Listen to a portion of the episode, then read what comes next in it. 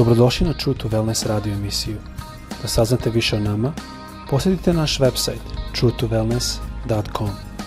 A sad, vaš domaćin, dr. Todorović.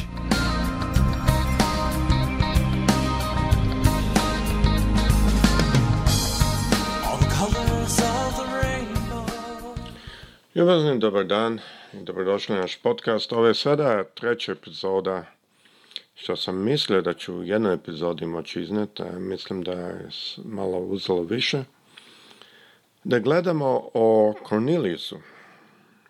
Dela Apostolska deseta glava, prošle dve epizode smo gledali o Corneliju kao čoveku. Čoveku koji je bio kapetan čete, kaže na srpskom. U stvari to je bio centurion ili kapetan od sto vojnika. In u latinskom i century, u engleskom je znači vek, to jest sto godina. To dolazi od iste reči. Ja se nadam da ste zajedno sa mnom mogli zaključiti da ovaj čovjek koji je nije znao riječ Božju, nije bio deo naroda Božeg, ali je radio ono što je mislio da može, i kako je on razumao ko je Bog. Taj čovjek je ipak postigao stepen da je to Bog cenio. On nije neke žrtve velike pravio. Umjesto on je pomagao siromašnjima. Kaže bi on je, on je bio bogoboljažljiv. To pokazuje meni da on puno razmišljao i to sve. I o tome sve smo govorili ranije. Da je Bog to sve video i isto smo govorili u našem stavu kao hrišćani, da mi ne možemo osuđivati ili staviti ljude dole samo zato što oni ne pripadaju našoj grupi. Da, mi znamo da samo kroz Isusa možeš biti spašen, to znamo. Ali mi ne znamo kako to Bog planira da uradi i zato moramo paziti jako da ne osuđimo. Govorili smo o tome kako je gospod u stanju da koristi jednog čovjeka, koji je bio grešan. Govorili smo o tome kako je Bog bio u stanju i čak je ovo cenio što on radio, iako on nije tačno znao ceo put, nije tačno znao što je sve e, potrebno. Ali on je želo da razume i da shvati. Vidimo ovdje da je on bio čovjek koji, kad je sve rešeno, kad je sve e, završno, ipak se plašio Boga i želo da uradi dobro. I Bog je to cenio. I posle mu anđela. Ako mi mislimo smo mi bolji, koliko nas smo vidjeli anđela da smo znali da smo vidjeli anđela. Ima mogućnost da smo mi u stvari ne išli na anđela da ne znamo. Ali koliko nas znamo da smo baš vidjeli da je Bog poslao anđela. Tako, pre nego što budemo brzi da osudimo druge, samo zato što su oni malo drugčiji. Mislim da je ovdje lekcija velika da cenimo ono što je pozitivno drugima i ono što je slično, ono što dolazi od našeg gospoda. A to je da je ovaj čovjek bio spreman da žrtvuje sebe i svoje titule za ono što je on verovao, što u mnogim pogledima nije bilo ni pogrešno, pomaga siromašne i bojati se Boga. Zato želim sad nasim sa trećim četvrtim stihom, ako ne marite da otvorite, Dela apostolska deseta glava, treći i četvrti stih. A dok to otvarate, ima jedna vrlo lepa pesma koja mislim da ćete volet. Mislim da je lepo da počnemo da saslušamo ovo. Prema što nasamo sreću.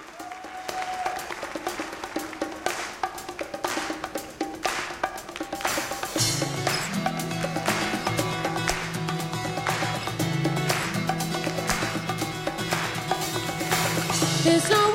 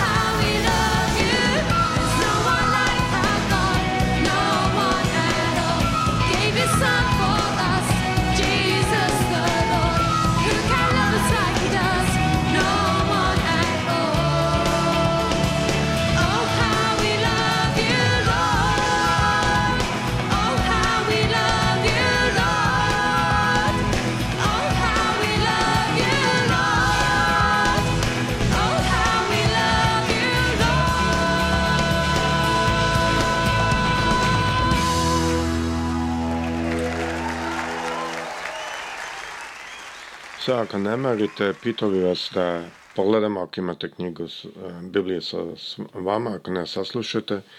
Za one koji nisu možda čuli ranije epizode, pročitat ću e, i prvi i drugi stih zajedno sa trećim četvrtim, ali svakako fokusiramo se na treći i četvrti. Reč Bože ovako kaže, znači dela apostolske deseta glava, prvi četiri stiha. U Kesariji je bio neki čovjek po imenu Kornilije kapetan čete koja se zvala Italijanska, poboženi bojažljiv, kao i svi njegovi ukućeni. Davao je mnoge milostinje narodu i stalno se molio Bogu. Jednog dana, oko tri sata posle podne, imao je viđenje. Jasno je video Božeg anđela kako je ulazi k njemu i kaže Kornilije. Kornilije se obuzet strahom, zagle u njega pa reče Molim gospode, i on mu reče, tvoje molitve i milosrđe izdigli su se do Boga kao žrtve posetnice. Mene je zanimljivo da ovdje prvo kaže jednog dana oko tri sata posle podne. Ne znam da li ste razmišljali zašto kaže oko tri sata posle podne, zašto je to bitno. Ja mislim da to je bitno, zato što mi možemo vidjeti da u tim zemljama i dan danas a, to nije daleko od Srbije, svakako puno dalje od da se ja nalazim. Ali a, tamo je mnogo puta tada najveća vrućina, oko 2 do 3 sata, do 4 sata najkasnije. I onda mnogo puta ljudi bi jeli ranije i to je bio vreme odmora. Ja vjerujem da je Kornilije, vidimo to bi odgovaralo karakteru, da je vratno razmišljao Bogu, da je razmišljao sve što gospod radi, što Bog radi okolo, Možda je imao sličnu situaciju kao neki od nas danas, da mi gledamo na stvari što Bog radi, a određujem blizu okeana, na primjer. Mnogo puta kad odem i gledam okean, ja se divim kako je sve to Bog napravio. Kad gledam ptice, divim se kako ne lete. A kao pilot ja znam koliko treniranja uzme da se nauči dobro da se leti, a te ptice bez išta od toga lete. Možda onda je tako razmišljao i da je razmišljao kako li je Bog velik kad se javio anđel i kada je video Božeg anđela kao ulazi k njemu i kaže Kornilija. I kaže Kornilija se obuza strahom. Tu vidimo da je on svakako znao da je ovo anđel. To se vidi da je to e, zato što on se uplašio. Vidimo da ga je anđeo pozvao po imenu. Nije Anđo rekao, neki ti tamo što stojiš. Danas kada rade darovi u nekim crkvama, pa mnogo puta barem ovdje na zapadu, u ovoj crkvi ima neko koji ima bolove e, u stomaku. ako imaš crkvu od hiljada ljuda, bit će najmanje njih, ne znam koliko koji će imati bolove u stomaku. Ali to nije kako je ovdje Anđo radio. Anđo je rekao, Kornilije, zna tačno njegovo ime. I ovaj je, je odgovorio što je komandant naroda, što je naučio da daje naredbine, i odgovorio šta je gospode, tako kažu na engleskom. Molim gospodine. Na engleskom kaže lord, što ne znači kao gospodine, mi bi rekli drugčije ako neko hoće da je prosto samo fin. Mi bi rekli yes sir, ne bi rekli lord. Lord je više čin ko gospode, radanom gospodine. To morate razumjeti jer to ipak eh, a, pripada ovdje. I onda je on pitao šta je? I anđel kaže tvoje molitve su došle pred gospoda. U drugim rečima gospod se setio tvog rade i što si ti radio. I on me je poslao ovdje da govorim s tobom. Kasnije vidimo, nismo još počeli, to je peti stih da kaže pošali ljude, sada pošali ljude u Jopu da dovede Simona koga zovu Petar. Anđeo vrlo specifično kaže šta treba da uradi. I ovdje vidimo kako Bog gleda na ljude koji su na znanju. Kornilije je radio najbolje što je mogao, sa znanjem što je imao i gospod mu je poslao anđela da ga uputi kako da bolje upozna. Ovo je bitno shvatimo da ovo ne znači da mi trebamo izbjegavati crkve i da nije potrebno da idemo u crkve. Vidiš da Bog voli se koji nije išao u crkvu. To nije to. Čim je on shvatio što treba da radi, on je odmah to želo raditi. O tome se radi. Moramo znati da uzmemo primjer koji je ovdje Kornili dao, a to je jedna poslušnost, jedna otvorenost da ide dalje pred gospodom. Anđeo isto ukazuje na molitve, a isto tako na milostinju koju je Kornilije radio. Što je molitva? Molitva je odnos sa Bogom. Jedan, mi kažemo relationship na engleskom, jedan odnos, jedan, to je u stvari jedno postojanje jednog ličnog poznanja nekoga. To su molitve. Mnogi ljudi ne znaju i ne svačaju da molitva nije lista svih stvari što meni trebaju. Niti je gospod Walmart ili neka prodavnica da ti pošalješ liste i oni ti pošalju te stvari. Molitva je graničenje jednog odnosa.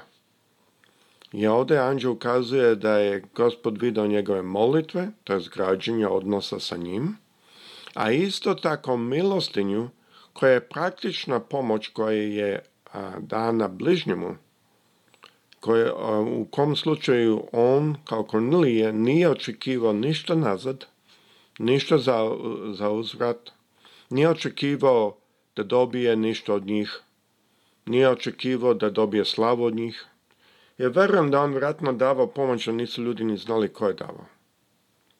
Ovo je način i duh u kome Gospod želi da mi dan, danas hodamo. I ovo je ono što je Bog prepoznao. Znači ovdje vidimo, Anđeo ukazao da su molitve i milostinja njegova došli pred gospoda. Znači odnos koji on ima sa gospodom, jedna stvar, i praktičnu pomoć koju je on spreman u akciji da sprovede u stvari ono što je naučio iz tog odnosa sa gospodom. To mi i dan danas imamo ljubazni. Mi od toga ne možemo pobeći. Ja ovdje želim da shvatimo da sada dalje on kaže idi, pošalji ljude u Jopu, dovedi Simona, koji se zove Petar. I on je gost kod nekoga Simona Kožara, čija je kuća pored mora. Vidite koliko je specifično gospod pokazao. U efektu ovo je u to doba bilo jednako kao da je dao adresu. Ide u tu i tu kuću, u tu i tu ulicu i tu i tu a, zgradu. Ili kako god bi to danas bilo. I kada je anđeo koji mu je odgovorio otišao, Kronil je pozva dvojicu svojih slugu, jednog pobožnog vojnika. Zapazite to. On je sada pozvao dvoje slugu koje on ima potpuno povrenje, jednog pobožnog vojnika. E sada, zašto je to bitno? Zato što je vojnik je ovdje u upravi. Sluge nisu nikad bili u upravi.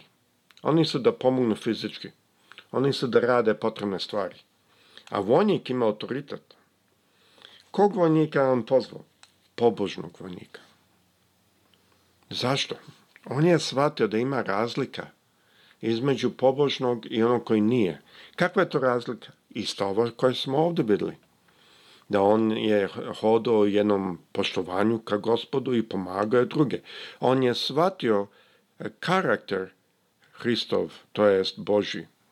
On je shvatio taj karakter, iako ništa još nije znao Hristu. Ali on je shvatio. Znači, ipak je Duh Sveti već radio i pokazivao mu šta je dobro, šta nije dobro. I on je pozvao, znači, dvoj svojih slugu i jednog pobožnog vojnika.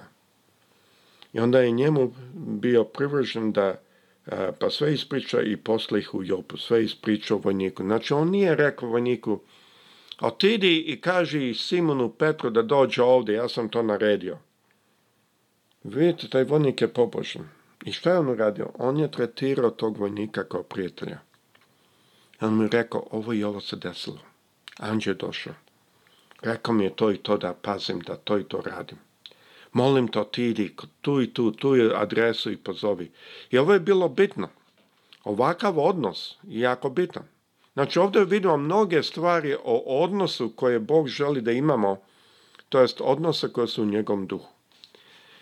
Zašto ovo je bilo bitno? Kad je otišao tamo i kad je govorio s Petrom, Petar je bio iznenađen i ovo je sada velika priča, tu znamo da je gospod govorio Petru kroz viziju i rekao da nikog ne, zove poganim. To je vezano bilo s ovom.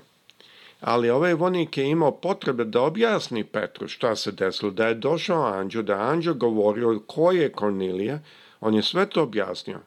I zato je Petar puno lakše mogao da ide, jer nemojte zaboraviti da je tada bilo zabranjeno za Izraelce da se druže ili uđu u kuću ne znam, Božac. Odmah bi bili nečisti. Volio bi još jednu stvar da zapazimo ovdje, da kaže deveti sih sutradan oko podneva, dok su oni putovali i približavali se gradu. Ja sam bio Izrael znam da je u stvari prilično daleko. Vi vidite da je taj vojnik e, sa svojim slugama putovao cao dan. Tek sutra oko podne je on stigao tamo. Ja vjerujem da on odmah otišao. I a, to znači da on to manje više od dan i noć.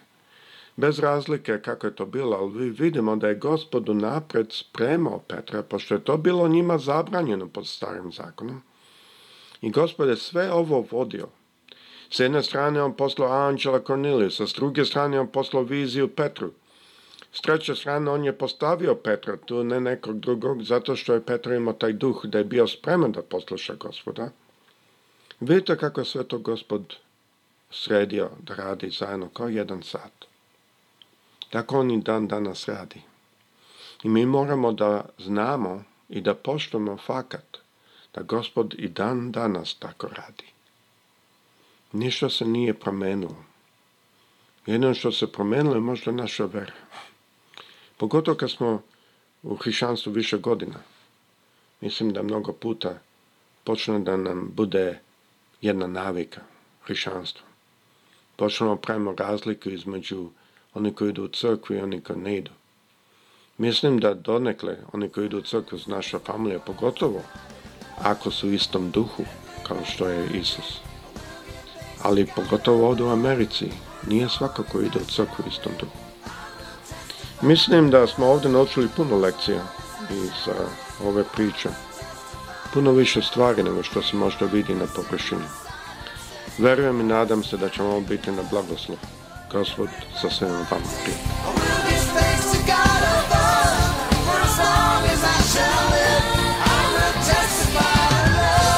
Slušajte True to Wellness radio emisiju.